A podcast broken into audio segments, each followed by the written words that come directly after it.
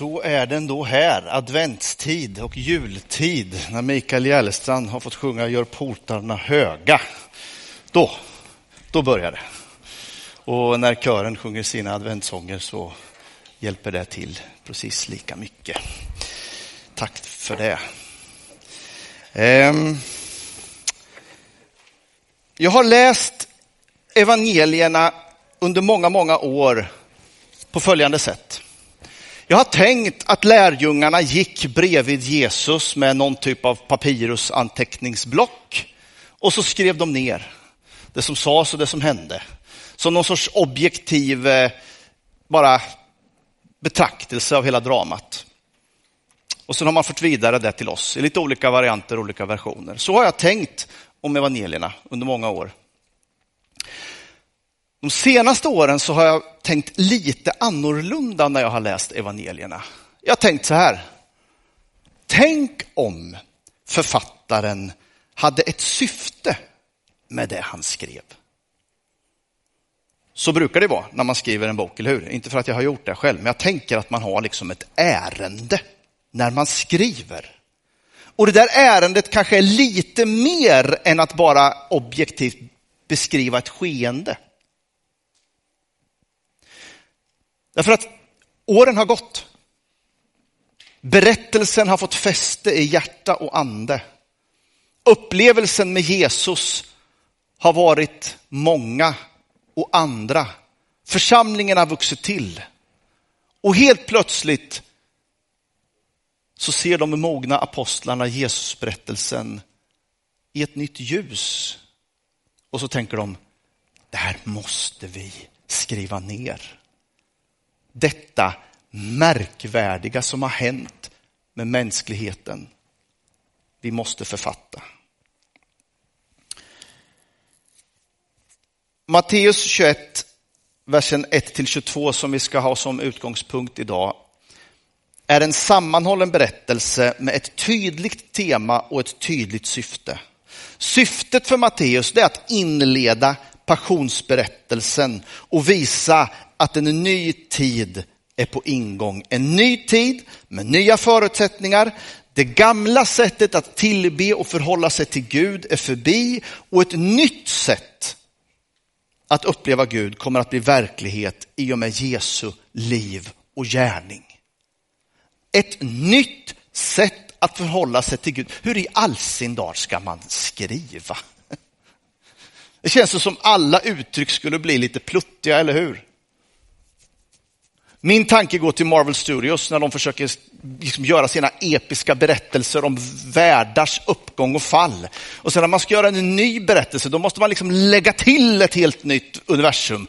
Sen är det fyra universum och en ännu större eh, superhjälte och skurk. Och liksom, det finns inget slut på hur bombastiskt man vill berätta. Så är det faktiskt i den här berättelsen som vi ska läsa. Den är ett episkt drama i tre akter. Tre scener där Matteus verkligen försöker att pränta in i sina lyssnare som är de judiska åhörarna. Han försöker verkligen skrika till dem. Hörrni, nu är det nya förutsättningar för mänskligt liv. Nu är det ett nytt paradigm, ett nytt sätt att leva. Och det är ett drama i tre akter. Det är tre olika scener. Det är Jerusalem, det är i templet och det är på vägen mellan Betania och Jerusalem där Jesus rör sig. Och det är tre olika scener och jag ska ta er med er in i det här dramat, i den här scenen som Matteus beskriver. Eh, och jag önskar att du, du får gärna läsa på texten om du vill, men eh, försök att måla upp den här scenen inför ditt inre. Vad är det som händer egentligen? Vem pratar med vem? Hur utspelar sig det här dramat framför oss? Vad är det Matteus försöker att säga? Först då, i Jerusalem. De första elva kapitlen, eller första elva verserna och någon som sa att det skulle bli en lång gudstjänst det här. Första elva verserna i Matteus 21. När de närmade sig Jerusalem och kom till Betfage vid Olivberget så skickade Jesus iväg två lärjungar och sa till dem, gå bort till byn där framme. Så hittar ni genast ett åsnesto som står bundet med ett föl bredvid sig. Ta dem och led hit dem. Om någon säger något så ska ni svara, Herren behöver dem, men han ska strax skicka tillbaka dem. Detta hände för att det som sagts genom profeten skulle uppfyllas. Säg till dotter Sion, se din konung kommer till dig ödmjuk och ridande på en åsna och på ett föl, ett lastdjurs föl. Lärjungarna gick bort och gjorde så som Jesus hade sagt åt dem. De hämtade åsnan och fölet och la sina mantlar på dem och han satt upp. Många i folkmassan bredde ut sina mantlar på vägen, andra skar kvistar från träden och strödde dem på vägen. Och folket, både de som gick före och de som följde efter, ropade Hosianna, Davids son, välsignade han som kommer i Herrens namn. Hosianna i höjden. När han drog in i Jerusalem så blev det stor uppståndelse i hela staden och man frågade, vem är han? Och folket svarade, det är profeten Jesus från Nasaret i Galileen. Jerusalem var själva epicentrat för judarnas gudstro och tillbedjan. Att gå upp till Jerusalem, det var fyllt av glädje och förväntan. Ett myller, en blandning av stadsliv och tempelliv. Jag har tidigare, innan jag satte mig ner och läste den här texten i lite lugn och ro inför den här predikan, alltid tänkt som om att Jesus och lärjungarna gör i ordning den där åsnan och sen rider de in i Jerusalem och där blir det uppståndelse. Där blir det liksom världens drag runt, runt honom som profet. En del hyllar och några undrar vem han är och sådär.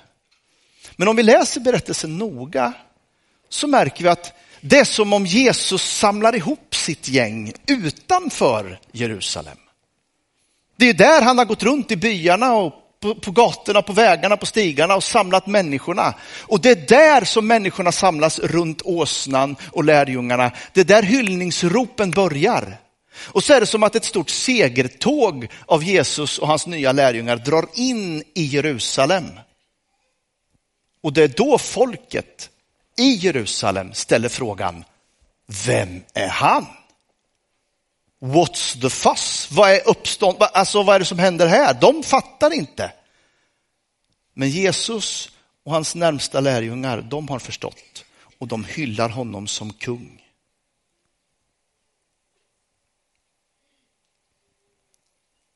På 200-talet efter Kristus så skriver rabbi Joshua ben Levi om Messias på följande sätt. Om Messias kommer på en häst, då är Israel värdig att ta emot honom. Om han kommer på en åsna är de inte värdiga. Jag tänker att den gammaltestamentliga idén om ni vet fredsfursten som kommer ödmjuk på en åsna och krigsherren som kommer på en hingst, den är applicerbar på den här berättelsen, absolut. Men det finns en annan dimension i Matteusberättelsen. Nu är det en ny tid.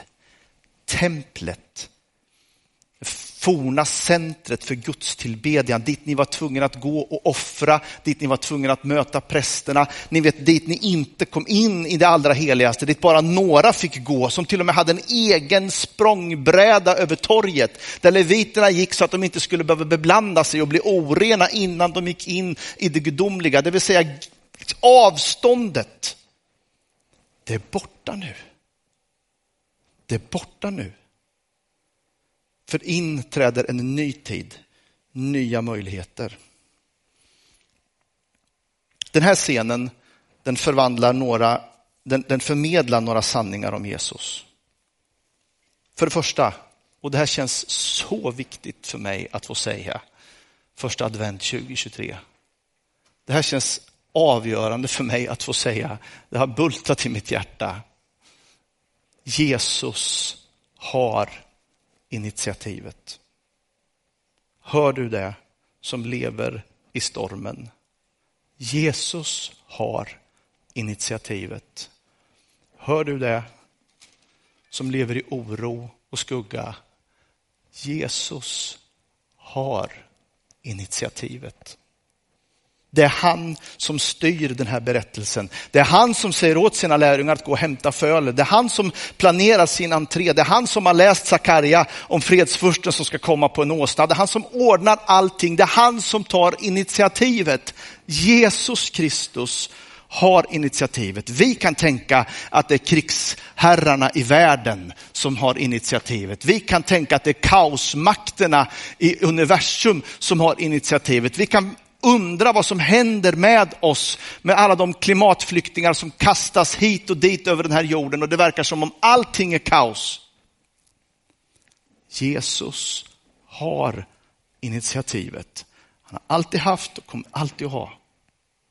I honom har vi vår trygghet, ingen annanstans. Men det är trots allt lärjungarna som liksom bär fram Jesus, eller hur? Jesus tar initiativet, han skickar iväg dem, han säger nu är det dags, men ni ska hämta åsnan och lärjungarna fixar med sina mantlar och de grejar och de leder väl det här djuret framåt. Och då tänker jag så här, om vi lever i en värld som behöver höra och förstå att Jesus har initiativet. Vilken är liksom din åsna då? Vilken är min åsna? Vilka medel har jag i mitt liv att liksom föra fram Jesus till andra människor? Mitt arbete, ett fritidsintresse, mina grannar, mina intressen. Vart möter jag människor för vem jag kan liksom jag kan lyfta fram Jesus till dem. För även om Gud har makt, även om Jesus tar initiativet till sin ankomst, till sin entré, så är det lärjungarna som banar väg för honom. Och vi lever i en tid där många mer människor behöver höra detta, att kaosmakterna råder inte. Jesus råder. Han har initiativet. Så vilken är då min åsna? Vilka är mina mantlar som jag liksom lägger under honom så att han kan komma fram till människor? Det tycker jag att scenen i Jerusalem skvallrar om. Den andra scenen som Matteus använder för att berätta detta episka om att en ny tid är inne, den sker på själva tempelplatsen. Och vi läser verserna 12 till 17. Jesus gick till templet och drev ut alla som sålde och köpte där. Han välte omkull borden för dem som växlade pengar och stolarna för dem som sålde duvor och han sa till dem, det står skrivet mitt hus, mitt hus ska kallas ett bönens hus, men ni gör det till ett rövarnäste. Blinda och lyckliga kom fram till honom i templet och han botade dem. När översteprästen och de skriftlärda såg allt det märkliga han gjorde och hörde hur barnen ropade i templet, Hosianna, Davids son, då blev de förargade och sa till honom, hör du vad de säger? Jesus svarade, ja, har ni aldrig läst orden, barns och spädbarns rop har du gjort till en lovsång åt dig. Sen lämnade han dem och gick ut ur staden till Betania och stannade där över natten. Jesus Kristus har kommit för att rädda dig och mig. Han har kommit för att driva ut synden ur den här kroppen som är templet för Guds ande just nu. Det var så de första kristna uppfattade det här. Att Jesus är så ursinnig och vansinnig. Jag vet inte hur ni brukar gestalta den här, jag vet inte liksom, vilken bild ni fick framför er, men Våran Jesus är ju så from, han är ju så snäll, eller hur? Han är så fin. Så vi tänker väl att han går där och han är lite, sparkar lite halvdant. Nej, han sparkar heldant. Han välter borden, han frustrar, han skriker, han binder en piska och han, ja det är nog kanske någon som får lite ont till och med. Har du fått stryk av Jesus någon gång?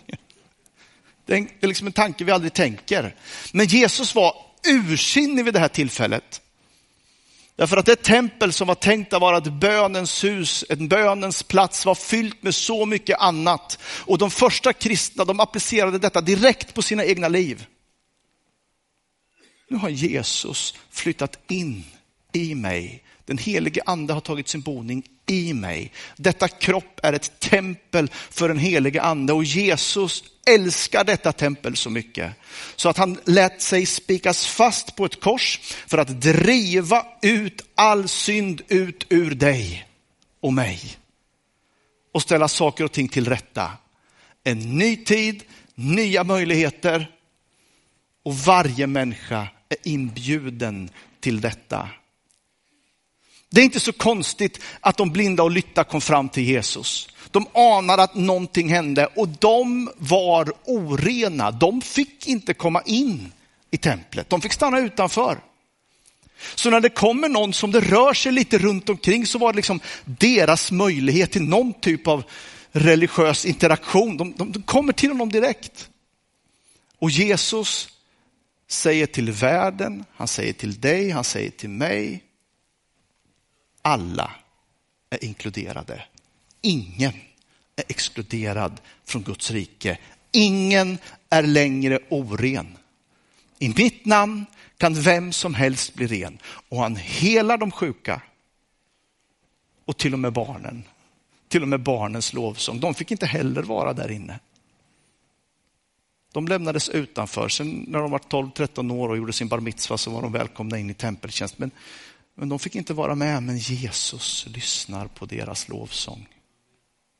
Jesus lyssnar på de sjukas, på de utanför, på de som inte får vara med och på barnen. Jesus lyssnar på deras lovsång. En ny tid med nya möjligheter. O, oh, så många barn på vår jord som ropar från djupet av sina hjärtan just nu. Herre, rädda oss. Gör något. Bryt in. Ingen är exkluderad. Alla får vara med. Alla är inbjudna. Det är vad templet säger till oss. Och sen har vi den här, tycker jag, mycket märkliga berättelsen eh, som jag inte har förstått och inte fortfarande kanske begriper det här stackars fikonträdet på vägen mellan Betania och Jerusalem. Vad har det gjort för ont egentligen? Den har bara stått där och försökt vara fikonträd. Det var inte ens säsong för fikon. Nu finns det en liten försäsong för fikon har jag läst. Så lyssna inte till de predikanterna som säger att det var liksom helt omöjligt att veta om det skulle bära frukt eller inte. Det kunde man veta. För med bladknoppningen kom det också en liten fruktknopp. Och så går Jesus fram till det här trädet och följande scen utspelar sig, den tredje och sista i Matteus inledande passionsberättelse. När han tidigt på morgonen var på väg tillbaks till staden så blev han hungrig. Han fick se ett fikonträd vid vägen och han gick fram till det men hittade inget annat på det än blad.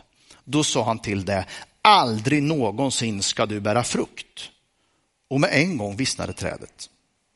Lärjungarna häpnade och sa, hur kunde fikonträdet vissna så tvärt? Jesus svarade, sannerligen om ni har tro och inte tvivlar så kan ni göra detta med fikonträdet och mer än så. Ni kan säga till berget här upp och kasta det i havet och det ska ske. Allt vad ni ber om i era böner ska ni få om ni tror. Nu kommer ju jag ifrån de trosvisas gemenskap. Alltså vi, vi älskar de här berättelserna som talar om tro och som talar om att berg kan flyttas och som talar om att vi kan utföra under och tecken och mirakler i Jesu namn. Det tror vi på. Det är inte riktigt poängen med den här berättelsen, faktiskt. Även om det är det Jesus säger. Det är inte därför Matteus använder den här i sin inledning av passionsberättelsen. Han säger någonting annat. Tidigare i Gamla Testamentet så har man Gud ofta använt bilden av det ofruktsamma som ett tecken på de religiösa eller Israels barns oförmåga att ta till sig Gud. vår oförmåga.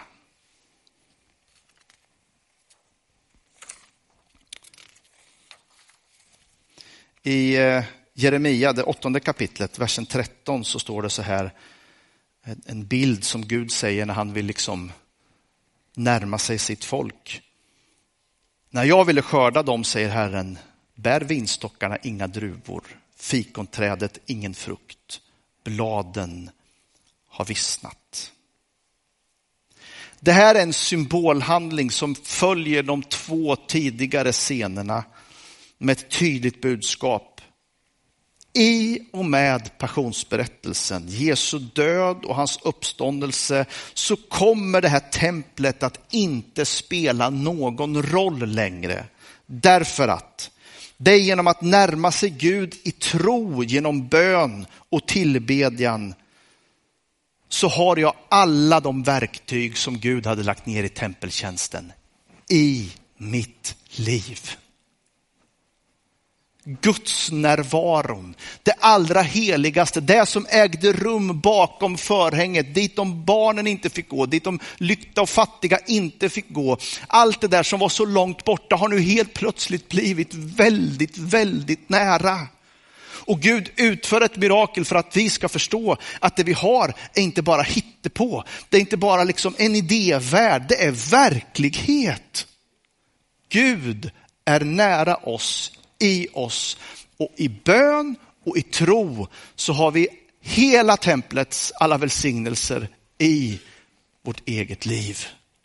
En ny tid, nya möjligheter för mänskligheten och alla är inkluderade och inbjudna. Jag vill avsluta den här predikan med att citera en lärjunge till Jesus. Den här lärjungen började sitt liv som en templets försvarare som hatade kyrkan och allt det de stod för. Jesus och hans efterföljare var honom så förhatliga. Men så plötsligt en dag på väg mot Damaskus så möter han Jesus i en syn och allt förändras. Paulus gör en upplevelse som kommer att ändra hela hans liv, hela hans världsbild. Och det är hans ord som jag vill avsluta den här predikan med. Ifrån Apostlagärningarna 7, versen 23 till 28, när han håller en predikan i Aten. Jag tror att det här är en, en predikan till oss i vår tid. Allt det vi fyller det här templet med all vår aningslösa strävan, all vår felaktigt riktade tillbedjan. Men Paulus hade upptäckt någonting annat och han säger så här. När jag har gått omkring och sett på era gudabilder så har jag nämligen också upptäckt ett altare med inskriften åt en okänd Gud. Det som ni alltså dyrkar utan att känna till, det är vad jag förkunnar för er. Gud som har skapat världen och allt den rymmer, han som är herre över himmel och jord, han bor inte i tempel som är byggda av människohand. Inte heller låter han sig betjänas av människohänder som om han behövde något. Han som själv ger alla liv och anda och allt. Av en enda människa har han skapat alla folk han har låtit dem bo över hela jordens yta och han har fastställt bestämda tider för dem och de gränser inom vilka de ska bo. Det har han gjort för att de skulle söka Gud och kanske kunna treva sig fram till honom. Han är ju inte långt borta från någon enda av oss. Ty i honom är det vi lever, rör oss och är till, som också några av era egna skalder har sagt. Vi har vårt ursprung i honom. Amen. Herre, vi tackar dig för att det råder nya tider. Vi tackar dig för att det finns en möjlighet för oss var och en att när som helst i tro vända sig till dig. Och trons alla skatter är givna till oss, Herre. Tack för försoningen, tack för förlåtelsen. Tack för att du har ställt allting till rätta mellan oss och Gud och vi får bara ta emot din frälsning i tro, Herre Jesus Kristus. Herre, jag ber om förlåtelse för all min rikt, felriktade tillbedjan, allt jag längtar efter, allt jag strävar efter som, som inte behövs, Herre Jesus Kristus. Jag tackar dig för att allt vi behöver finns hos dig. Jag ber om nåd och ber om ro att söka det, att finna det och vara nära dig. Herre Jesus Kristus, jag ber. I Jesu namn. Amen. Amen. Tack för att du har lyssnat på undervisning från oss i Malmö Pingstförsamling. Så roligt att du tog del av det här. Om du blev berörd på något sätt eller om du fick några tankar eller funderingar eller om du tog emot Jesus så vill vi jättegärna höra från dig. Du kan nå oss via vår hemsida europaporten.com. Där finns kontaktuppgifter till alla våra pastorer, anställda och andra ledare. Du kan också nå oss via sociala medier. På Facebook heter vi Malmö Pingstförsamling. På Instagram heter vi Malmö Pingst. Har du något du vill att vi hjälper till att be för så kan du mejla oss på forbon europaporten.com. Då når du vårt förbönsteam direkt. Tack än en gång att du lyssnade. Hoppas att vi ses framöver på gudstjänst 10.30 på söndagar eller på någon av våra andra samlingar. Känn dig varmt välkommen. Ha det så bra så länge och Gud välsigne dig.